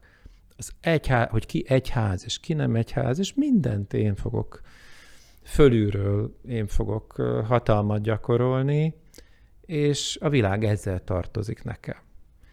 Furán hangzik, de hát nagyon úgy néz ki, hogy valami ilyesmi történik. Ugye ő konkrétan azt mondta, ha konkrét emberről beszélünk, hogy tényleg ezt mondta, őrület, hogy nem hallják, akik hallhatnák, hogy nem a diktatúra, hanem a diktatúra képviselői ellen harcoltam. Ez mit jelent? Ez nagyon konkrét mondat. Ez az ő mondata volt, Orbán mondata? Igen. Ez azt jelenti, hogy nem a diktatúra a rossz, hanem az, hanem nálam van. Nagyon könnyű lefordítani. Lehet biztos másképp fordítani, de szükségtelen, mert ezt jelenti. Tehát, hogy, hogy és ugye az egészben egy ilyen ugye ez gyakran együtt jár egy áldozat szereppel is, amiben valahogy a személyes áldozati élményt, tehát hogy valaki csak az agresszió ellen küzd, ugye, hogy jönnek a nem tudom kik, és ezért védekezni kell gyakran ilyenkor megfordítják az áldozat és az agresszor szerepét, tehát hogy az agresszor lesz az áldozat, azt vallja magáról. Tehát az áldozat és a harcos szerepe az összetartozik ilyen formán? Abszolút, igen. Ugye hát ez a farkas és a bárány meséje ez opusztól. Ugye az, hogy a farkas azt mondja a báránynak, aki egyébként lejjebb áll a folyónál és iszik, vagy próbál, próbálna inni, hogy zavarod a vizemet, mondja, mire a mondja, hogy baromira nem, mert én, én vagyok lejjebb. Jó, de szittad az anyámat, hogy nem, nem. Jó, de úgyis megeszlek. Tehát ez a, tehát ott még a farkas még úgy próbálkozik az áldozat szereppel, aztán meg mégiscsak farkas lesz. Ilyen szempontból Orbán is áldozat, akit folyton támadnak, folyton keresztbe tesznek neki, így aztán folyton harcolnia kell, és a vezetésére bizott népet is állandó mozgósításban kell tartania. De Putyin is akkor áldozat ilyen formán, mert az ő felfogásában az orosz nép is az. Ugye elvették a birodalmát, a birodalom nagyságát, állandó fenyegetettségben él, mintha a NATO nem védelmi szervezet lenne, muszáj támadnia. Tehát itt a két szerep, az áldozati és a harcosé mindkét ember esetében súlyosan összetartozik minden despota ugyanezt mondja, tehát majd, majd hogy nem unalmas, tehát copy-paste, hogy, hogy ő az áldozat, tehát ő reagál, tehát alig bírja megállítani Brüsszelt, vagy alig bírja megállítani a nato nem tud máshoz folyamodni, mint hogy ezreket megöljön, mert hát mit, mit tehetne ugye az ember nagy kínjában. Úgyhogy, úgyhogy ez az agresszor áldozat fordítgatás, ez egy nagyon, nagyon tipikus despota álláspont. De akkor ez azt is jelenti, már most általánosan kérdezem, hogy ennyire torzítja a lelket és az értékrendet a túlságosan hosszan birtokolt hatalom? Vagy ez mind levezethető pusztán a személyiségből, függetlenül a hatalom nagyságától, vagy egyáltalán hatalom lététől? Önmagában tehát egy nagyon makegészséges ember is, hogyha ha egy ilyen örökbérletet kap, és nem kap visszajelzést, ha tartanak tőle, ha hajlik rá, hogy a lojalitás vonzóbb legyen neki, mint a megmondás, akkor bizony tekeredhet belül ő is a rossz irányba. Tehát, hogy az emberi természet, tehát nem mindenki személyiségzavaros, aki megront a hatalom, hanem az ember lelkét valóban, sok minden, nem csak a hatalom, de a hatalom az ilyen. Különösen tényleg a kontroll nélküli hatalom, az örökbérlet, az, az egyszerűen annyira veszélyes, hogy hogy, hogy az sok mindent átalakít az ember fejében. Ha már ezt említette, ön szerint leváltható egy választással, hogy ön nevezte a narcisztikus együttműködés rendszere, vagy sokáig velünk marad a mindezekből, amit itt most elmondott adódó rombolás, amelyet az emberek gondolkodásában, elkölcseiben, közösségi érzületében például az utóbbi 12 év elintézett, végrehajtott? Ahogy öregszem, vagy idősödünk, ugye jobban látja az ember azt, hogy jobban látom azt, hogy, hogy az, az én életem léptéke milyen, és ehhez képest mik történnek a világban, és hogy, és hogy nagyon sok mindent már nem, akár nem magunknak gondolunk végig. Ez hülye hangzik, tudom, nem, nem vagyok ősöreg, meg nem készülök meghalni, csak hogy, hogy valójában más, más léptékekbe kerül át a, a, a gondolkodásunk, gondolkodásom. Azt lehet mondani, hogy őrült munka vár ránk, ha egyszer kijutunk ebből a labirintusból. Az segíthetne, mondjuk ha teszem azt április harmadikán sikerülne leváltani ezt a rendszert, ez adhat olyan felhajtó erőt ennek az országnak, amely segít élhető és kevésbé hazug pályára terelni az életünket? Mondjuk játszunk el ezzel a gondolattal, mert ugye nem tudjuk, mi lesz, hogy mondjuk az ellenzék győz, szembenéz egy, egy háborúval, egy óriási gazdasági válsággal, nagyon sok mindennel, egy mély állammal, ami ellene dolgozik, stb. Tudjuk ezeket a, a részeket, úgy, hogy tulajdonképpen nem igazán van belső koherenciája a kormányra kerülő pártoknak, tehát nem könnyű megteremteni, nagyon sok vita vár rájuk, stb. Szerintem ez önmagában egy nagy problémacsomag, de ami talán így a, a, a, az érzületünk, a lelkünk szempontjából fontos, az az, hogy ha lesz erejük azokhoz a csatákhoz és egymással való beszélgetésekhez, ami kormányozhatóan tartja az országot, az nem lesz elég ehhez, amiről mi itt beszélgetünk. Tehát, hogy hogyan tud, tudunk egy olyan történetet összehozni, hogyan lehet olyan kereteket teremteni, amiben tényleg befogadja ez az ország ezt a két felét, tehát, hogy az, az, az iszonyat lenne, ha továbbra is az lenne, hogy na jó, akkor most ti. Most jön a másik fele. Most jön a másik fele, de hát ez, egy absz- ez, ez, ez, ez kb. kódolja azt, hogy mi lesz a következő hasonló helyzetben. Tehát ez nem, ez nem jó. Tehát, hogy erre, hogy ezt hogy kell csinálni, azt én most nem tudom de szerintem ez egy őrült nagy hangsúlyt kell, hogy kapjon. Egyáltalán ez megoldható? Egy szakmai közhelyet mondok, hogy a kis különbségek okozzák a nagy narcisztikus sérelmeket. Mi itt együtt vagyunk. Egy családban, egy kerületben, egy faluban, egy, együtt vagyunk, együtt kell, hogy megoldjunk dolgokat. És mondjuk a, a hollandoknak ott volt a víz, ugye, hogy lejjebb fekszenek a földjék, mint a víz, tehát muszáj volt nekik, nagyon individualisták, nagyon mm, önmagukban vannak, de együtt kellett mindig a vízet megoldani, hogy a víz az, ha legyen olyan kedves, maradjon kívül. Nehéz most megmondani, hogy nekünk mi az, ami ilyen. Ezt akartam pont kérdezni. nekünk mi az, ami lehet, hogy az kívül oroszok, kellene? Lehet, hogy az oroszok lesznek pont ilyenek. Mert lehet, hogy ez a probléma eljön, de nem kívánom. Csak azt mondom, hogy, hogy e, közös dolgaink vannak, és sokkal nagyobbak a, a, az összetartó és a közös dolgok, mint az elválasztóak, és ezt valahogy, ennek valahogy jó lenne teret adni. Köszönöm szépen. Én Jó is. volt hallgatni önt. Már mindig attól tartok, ugye én beszélgetéskor, hogy pont azokhoz nem jut el, akiknek a leginkább meg kellene értenie az ilyen beszélgetések lényegét. De én töretlenül nem adom fel, csak csinálom. Köszönöm. Én is. Bánki György pszichiáternek. Követőinket még nem engedem el, ugyanis ismét felhívom szíves figyelmüket, hogy körülbelül egy hónap múlva, éppen egy éves lesz podcastünk, és ebből az alkalomból egy némiképpen rendhagyó adást tervezünk április 28-ára. Ennek a műsornak részeként szívesen válaszolok majd az önök, nézőink és hallgatóink kérdéseire is, amelyek podcastünkkel annak készítésével kapcsolatban megfogalmazódnak önökben. Irodai e-mail címünk, ahová várjuk tehát a podcastünkre vonatkozó kérdéseiket, sandorkukac, friderikus.hu. Az e-mailjük tárgyovatába szíveskedjenek beleírni egyéves a podcast. És azt is kérem, hogy a könnyebb elérhetőség kedvéért kérdéseik mellé írják oda saját mobiltelefonszámukat is. És akkor most következik a zöld és zöld rovatunk, benne ismét hasznos ötletekkel, már ami a környezetünk védelmét, a globális éghajlati környezeti katasztrófa megelőzését szolgálja. Vince Kata riportja.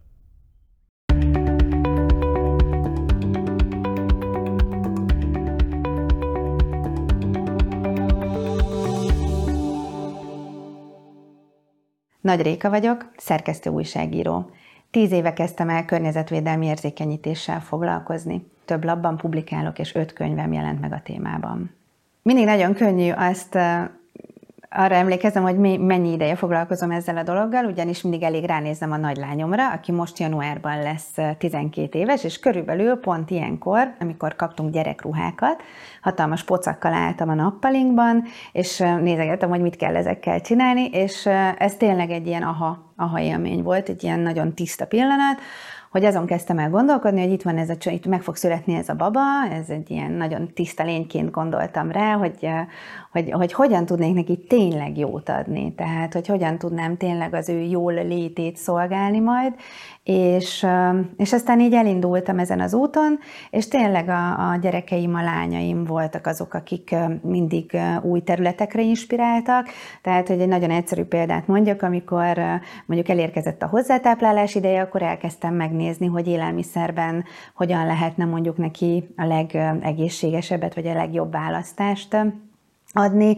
Amikor elkezdett kúszni, mászni, akkor azt néztem, hogy úristen, mit fog fölnyalni a padlóról. Egyébként az nagyon fontos, hogy én nem voltam paramami, tehát hogy ez nem arról szólt, hogy ez egy túlféltés, vagy egy, egy túlaggódás a gyerekért, hanem azt néztem, hogy mi lehet neki a jó, és, és, és mit hogyan lehet megoldani. És akkor elkezdtem rengeteget olvasni. Ugye az eredeti szakmám az szerkesztő újságíró, tehát bekapcsolt egy ilyen kopó ösztön, hogy akkor miről mit lehet tudni, és hát nagyon-nagyon sok információt találtam a témában, és egyre mélyebbre és mélyebbre és mélyebbre kezdtem el ásni, és az volt a célom, hogy hogy ilyen nagyon könnyen kezelhető recepteket, nagyon könnyen kezelhető tippeket adjak, kb. ez a könnyen gyorsan vacsorát című um, zsáner, azért, hogy szerethetővé tegyem ezt a témát. Az én lányaim természetesen ebben a gondolatiságban nőttek föl, ebben nőttek bele, és nem csak, hogy ez, ez nem egy gondolatiság, hanem ezek cselekedetek, mi így élünk. Nagyon sok mindent adott esetben lehet, hogy máshogy csinálunk, vagy más logikával, mint más családok. És pontosan ezért nagyon sok olyan kérdést tettek fel, amikor nekem sokszor el kellett mesélnem, meg el kellett azt magyaráznom, hogy, hogy mi hogyan van, vagy mit miért csinálunk mi más, vagy mint mondjuk más családok. És ez lett az alapötlet a kiadómmal, hogy, hogy miért ne szednénk össze a lányoknak a kérdéseit, és így tudnánk mesélni, beszélni a fenntarthatóságnak olyan fontos területeiről, amelyekről érdemes, hogy, hogyha már a gyerekek is hallanak, vagy képbe kerülnek ezekkel a témákkal kapcsolatban. Hogy mondjak például egy példát, az egyik az, hogy bár tudatosan csökkentve, de fogyasztunk húst, a nagyobbik kislányom egyszer megkérdezte, hogy de anya, ugye ez a csirke úgy került a tányéromra, hogy már idős volt és meghalt, és akkor ilyenkor egy anyuka szerintem nyel egyet, mert szerintem ez alapból egy ilyen nehéz kérdés, és én pedig akkor ott hoztam egy döntést, hogy természetesen az ő szintjén mindenképpen anélkül, hogy benne szorongást keltsek, vagy valamilyen nagyon rossz érzéseket, de mégis elmagyaráztam neki azt a folyamatot, hogy hogyan kerül ez a csirke az asztalra. És igazából a könyv is így áll össze, hogy a lányok kérdeznek, és én pedig az elmúlt években válaszoltam nagyon sokszor, és ezeket a válaszokat írtam most le egy kicsit talán kibővítve. Mindig azt vettem észre, hogy ha felnőttként őszintén, és nem akarok jópofáskodni, hanem normálisan beszélek velük, arra rettenetesen vevők, úgyhogy igazából így áll össze a könyv is, tehát ilyen a hangvétele. Nálunk a lányok abban nőttek bele, hogy ami nekik már nem jó, ez megy tovább más kisgyerekeknek, az is természetes nekik, hogy ők nagyon sokszor így kapnak ruhákat, és mindig figyelünk arra, hogy így ezt a körforgás gondolatot, ezt a mindennapokban, mindennapokban beültessük, mindennapokban ez teljesen természetes legyen. Legjobban a Charity bolt hálózatba szeretem őket levinni, mert az szinte minden kerületben van, és mindig van közel a lakóhelyemhez. Általában a gyerekeket is buzdítom arra, hogy legyenek proaktívak, tehát van benne egyfajta aktivizmusra bátorítás, és ez egy nagyon kedves történet volt, hogy alapvetően a lányom suliában, az osztálytermekben vannak szelektív kukák például, nem a szelektív a legjobb megoldás mindenre, de hogy alapvetően azért gondolkodásmódban fontos, hogy mondjuk ezek is a helyen legyenek, ezek a területek, és olvasták együtt a könyvet, és kiderült, hogy nekik nincs a teremben szelektív, mellettük volt, tehát használtak szelektívet, és elindultak az üzemeltetésre, és intéztek maguknak egy szelektív kukát, úgyhogy én ezek két hétig, vagy nem, de napokig meg voltam teljesen hatódva, mert hogy ez is benne van a könyvben, hogy vállaljuk a felelősséget, nézzük meg, hogy ha kicsik is vagyunk, hogyha fiatalok vagyunk, akkor milyen területeken tudunk elindulni, hogy a felelősség felelősségvállalás gondolata az minél hamarabb meg tudjon születni az ökológiai kérdésekkel kapcsolatban.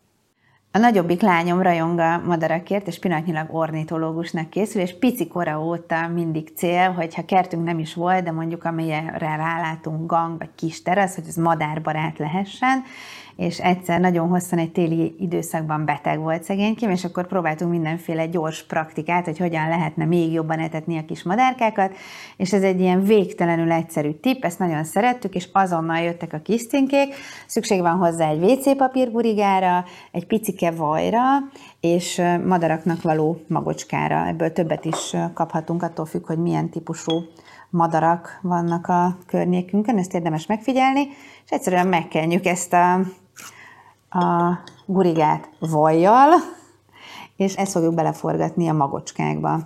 És azonnal egyébként mi ezt egy ágra szoktuk kitenni, és nem telt el negyed óra, és már az első kis vendégeink megérkeztek, úgyhogy minden évben igyekszünk madárbarát kertet, vagy madárbarát teraszt, vagy gangot kialakítani.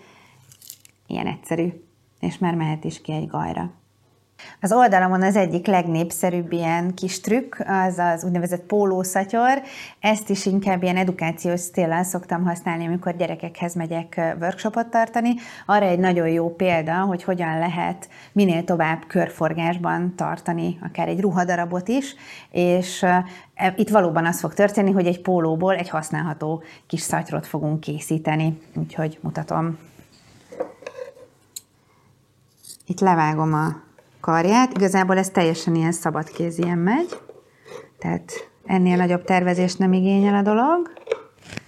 Egyszer, másik oldal.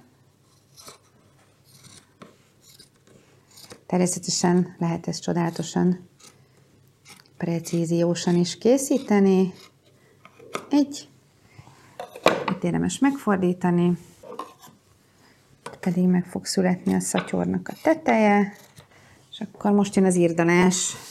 A pólónak az alját nagyjából ilyen egy centis csíkokra szabdaljuk, és nagyjából egy ilyen 3-5 centi hosszan vágjuk fel.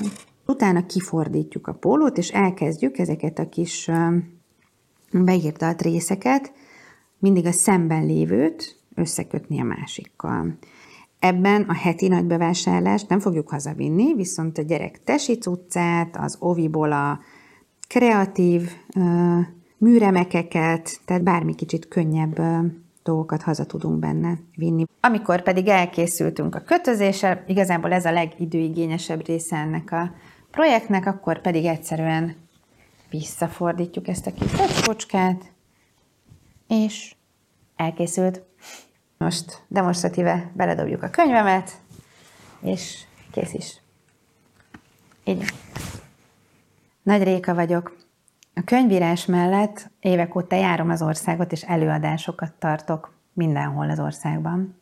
Elmesélem az én történetemet, és ez általában ez szokott lenni a leghatékonyabb, ehhez lehet a legkönnyebben kapcsolódni.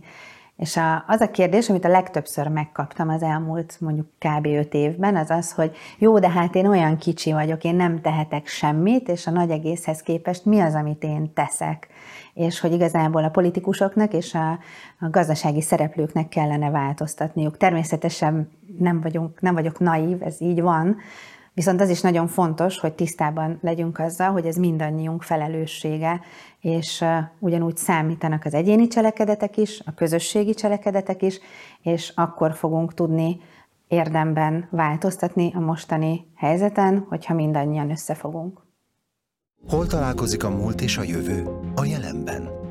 Ne csak figyeljük, legyünk aktív részesei a fejlődésnek, mert minden lépés egy befektetés is a környezetünkért, a világért. Ne csak legyen, tegyen is a jelenben a jövőért. Raiffeisen Bank a fenntarthatóságért. A jövő időben.